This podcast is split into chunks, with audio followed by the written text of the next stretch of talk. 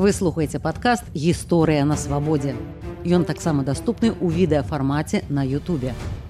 Вы глядзіце і слухаеце канал гісторыя на свабодзе. З прагі вас вітае Сергея Бламейка.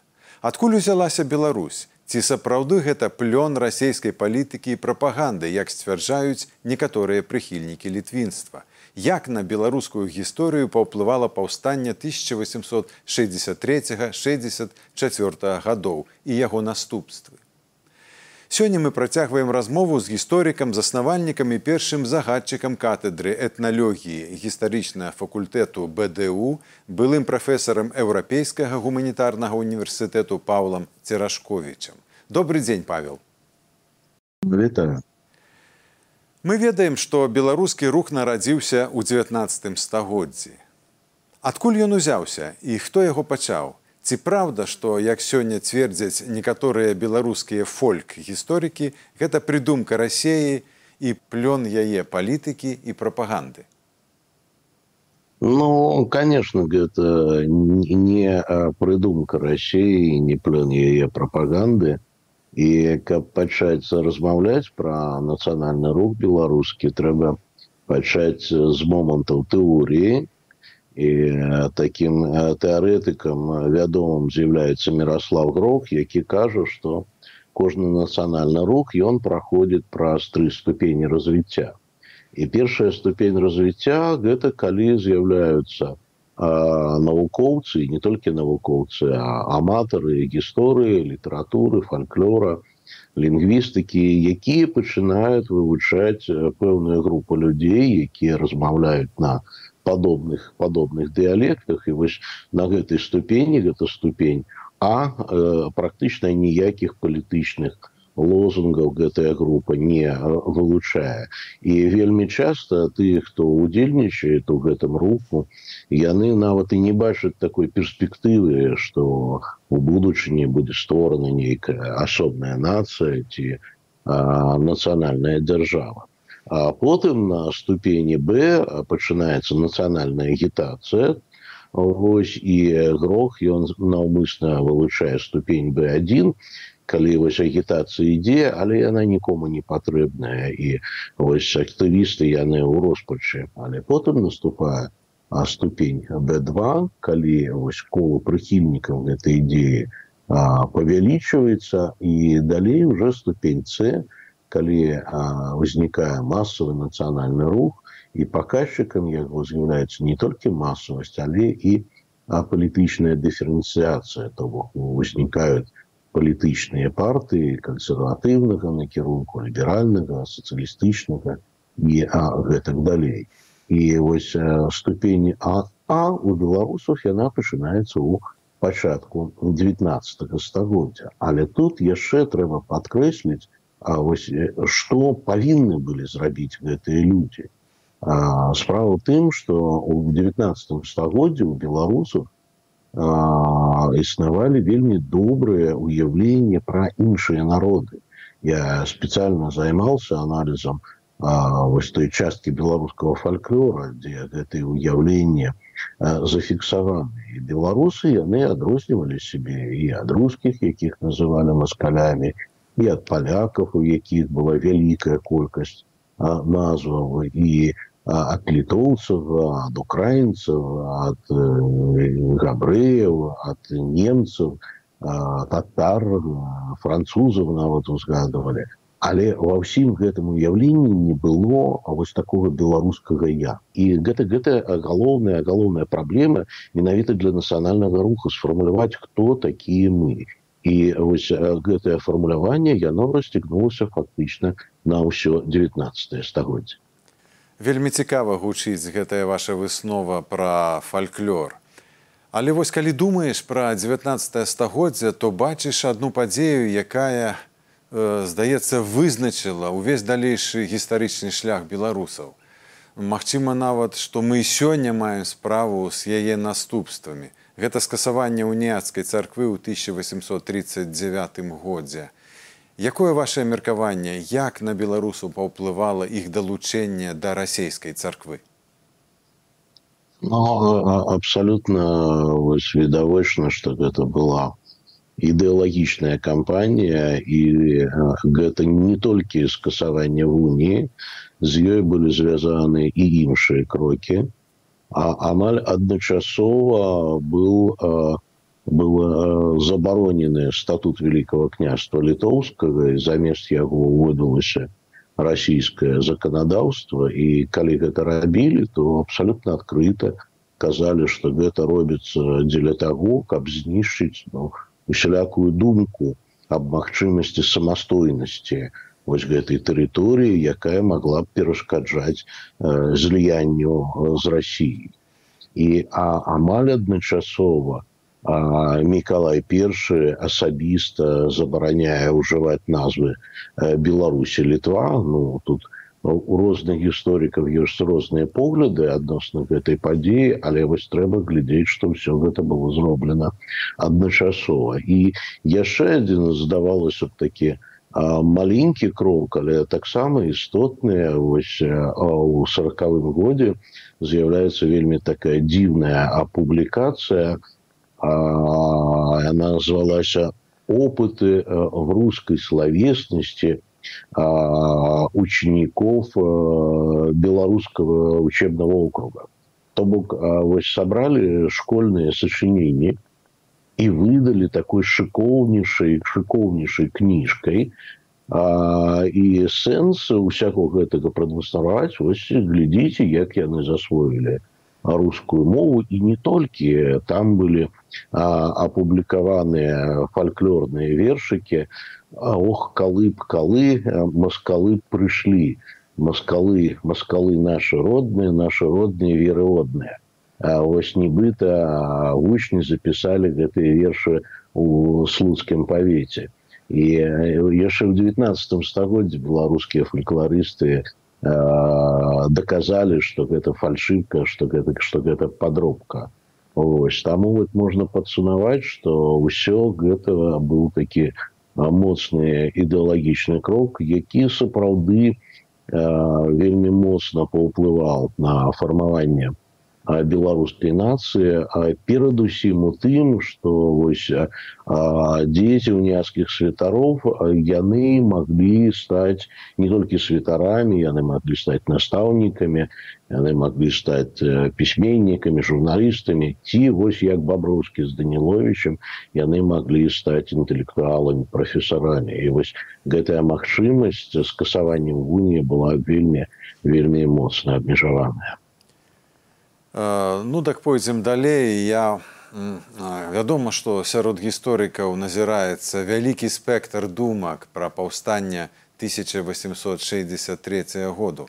Адны кажуць, што гэта была сапраўдная катастрофа для Беларусі, якая спыніла тагачасны нацыянальны рух на дзесяцігоддзі. Іншыя мяркуюць, што рэпрэсіі пасля паўстання вызвалілі Беларусь ад польскага элементу і расчысцілі дарогу беларускаму руху. Трэція сцвярджаюць, што э, ну, што гэта быў адзін з нацыянальных уздымаў і нават пункт адліку нацыянальнай беларускай палітыкі. Што вы думаеце пра паўстанне? Ну па-першае, адносна таго, што вось паразу паўстання нас спыніла нацыянальны рух. Но нацыянальны рух у тыя часы ён заставаўся на фазе фазе а массового руху не было і я хочу подкрэсліць что яго і не могло быть.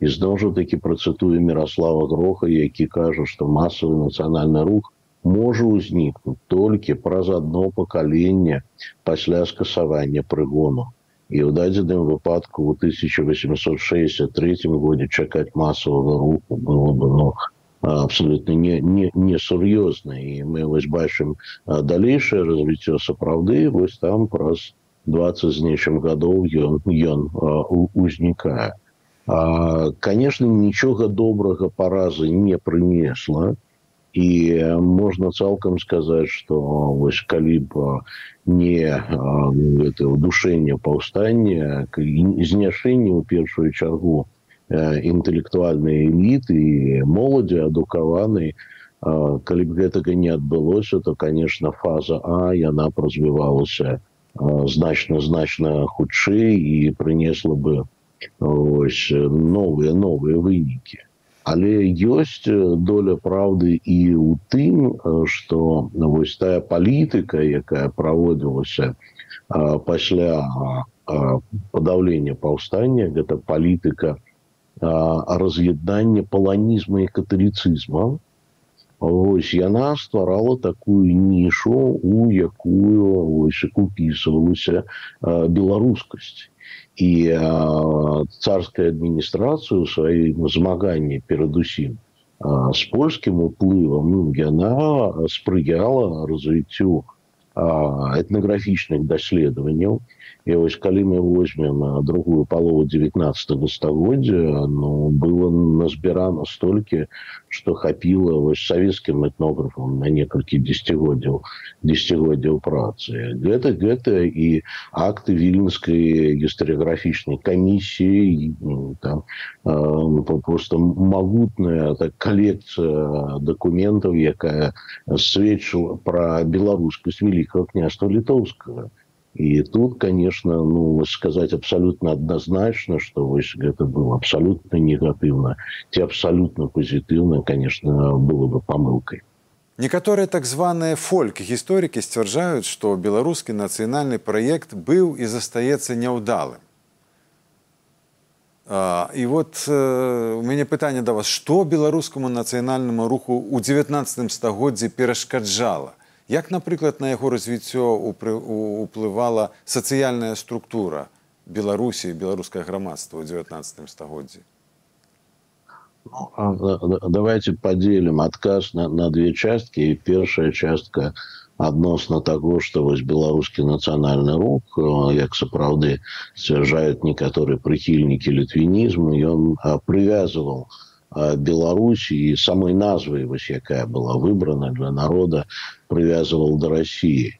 А тут э, трэба ведаць что заўсёды нацыянальныя рухи калі яны пачынаюць развиваться яны шукаюць себе союзников да на, на кого можно было бы абаперціся выкарыстаць і вось характэрны прыклад пачынальнікі латышскага нацыянальнага руху у сярэднім 19 стагоддзя яны фактычна змагаліся перадусім з немцамі якія дамінировали Латвіі і саюзнікаў яны сябе знайшлі сярод славянафіла фактычна сярод русских русских шавіністаў і адпаведная была рыторыка вот яшчэ казалі что галоўнае гэта перадухіліць германізацыю а калі будзе русіфікацыя то ў гэтым нічога нічога страшнага няма что рускія гэта талерантны народ і калі латышы пераведуць на рускую мову то ніякай катастрофы не адбудзецца ось. А потым сітуацыя змянілася і сёння вось пра гэтую рыторыку я думаю ніхто нават нават не не ўзгадывае гэта гэта першы вот такі момант ну, а другі момант адносна того вось адносна паспяховасці тут трэба падкрэсліць что стартавыя умовы для беларускага нацыянальнага руху былі надзвычай неспрыяльны і тут ёсць два моманты вось я уже казал что нацыянальны рух ён можа пачацца толькі праз генерацыю пасля скасавання прыгону І тут трэба звярнуць увагу на тое, што напярэдадні скасавання прыгону а, доля прыгонных сялян а, на тэрыторыі Беларусі была самай высокай у еўрапейскай частцы расійскай імперіі до 60 з нечым адсоткаў ад усіх беларусаў гэта былі прыгонныя сяляне. Я ўжо пра гэта раней казаў, Ось, что нічога нічога доброго не трэба спрабаваць ідэалізаваць прыгон ось стаўленне да сялян ну, было як стаўленнем да хатніх жывёл абсалютна не выпадкова гэты гэты тэрмін да быдла да? ось, і тут яшчэ трэба трэба падкрэсліць что у адрозненне ад іншых частак расійскай імперіі а большая частка сялян прыгонных яны адпрацоўвалі паншчыну а вось паншыну шмат якія гісторыкі эканомікі лічаць той формай якая максімальна набліжае прыгон да арабства сапраўднага рабства і вось калі параўнаць Беларусь з суседзямі в Украіне напрыклад прыгонных сялян была каля 42соткаў а у літве было яшчэ меней там здаецца 30 34 і вось тут узнікае такая сітуацыя что у в Украине и у, у Литве можно было быть не прыгонным селянином, можно было быть вольным человеком и размовлять на литовской або на украинской мове. А вось у Беларусі амаль, амаль заўсёды атрымліваўся так, што калі гэта беларуская мова, то гэта, гэта мова прыгоннага селяніна. Это значит гэта мова, якая мае найніжэйшы сацыяльны статус. Ну і калі рухацца далей вось такой умовай развіцця нацыянальнага руху з'яўляецца не толькі скасавання прыгону, але і мадэрнізацыя края. Потому что без модернизации немагчыма сацыяльная мобільнасць вось нацыянальны рух ён заўсёды патрабуе того каб вось выхадцы з сялянства маглі атрымаць адукацыю часцей за ўсё гэты галоўны ліфт ось і спачатку каб яны сталі настаўнікамі а потом іх дзеці маглі стаць журналістамі пісьменнікамі юрыстамі і гэтак далей вось гэта аснова нацыянальнага руху і калі мы паглядзім на мадэрнізацыйныя паказчыкі беларусі конца 19 стагоддзя то можна сказаць что вось з рэгіёнаў калі вось параўноўваць Эстонію, Латвію, літву, Беларусь, Украіну і Малдову, то паказчыкі Беларусі былі самымі нізкімі. То бок гэта быў самы адсталы, самы дэпрэсіўны рэгіён заходняй часткі расійскай імперіі. безумоўна, гэта вельмі моцна стрымлівала развіццё нацыянальнага руху. Ну і сяды яшчэ трэба дадаць что нацыянальны рух каб ён развіваўся. Патрэбны не толькі актывісты але і патрэбная аўдыторыя якая можа успрыняць ідэі нацыянальнага руху якія пашыраюцца з дапамогу сродкаў масавай інфармацыі перадусім часопісаў і газет. Вось у той сітуацыі то бок аўдыторыя павінна быць пісьменнай і вось калі паразноўваць узроўні пісьменнасці то найвышэйшы ўзровень быў у эстоніі там каля 80соткаў усяго насельніцтва было пісьменны каля там 72 75 у Латвіі 10 там до, до 45% письменных было у Литве, а вот в Беларуси, Украине, Молдове уровень письменности был вельми, вельми низкий. Там это э, трохи больше за 13% у Беларуси, 12% в Украине и 10% у Молдовы. И связано это было, прежде за все, с конфессийной принадлежностью. И высокие показчики у эстонцев латышов, яны тлумачатся тем, что это протестантские народы, і этыка пратэстантызма яна вось падштурхоўвала да таго каб усе людзі былі пісьменнымі ось каталіцызм ён займаў такое прамежкавае становішча а праваславе увогуле да гэтага ставілася збольшага абыякова і тут яшчэ трэба падкрэсліць что у пратэстанцкіх народаў жанчыны і мужчыны мелі прымерна прыклада аднолькавы ўзровень пісьменнасці а ёсць такі парадокс літоўскі у якіх жанчыны былі нават больш адукаваны ўзровень пісьменнасці быў вышэйшы А вось згодна з праваслаўнай дактрынай такой часу жанчына ўвогуле не павінна была валодаць пісьменнасці у Малдове напрыклад там каля аднаго ці двух адсоткаў было пісьменных жанчын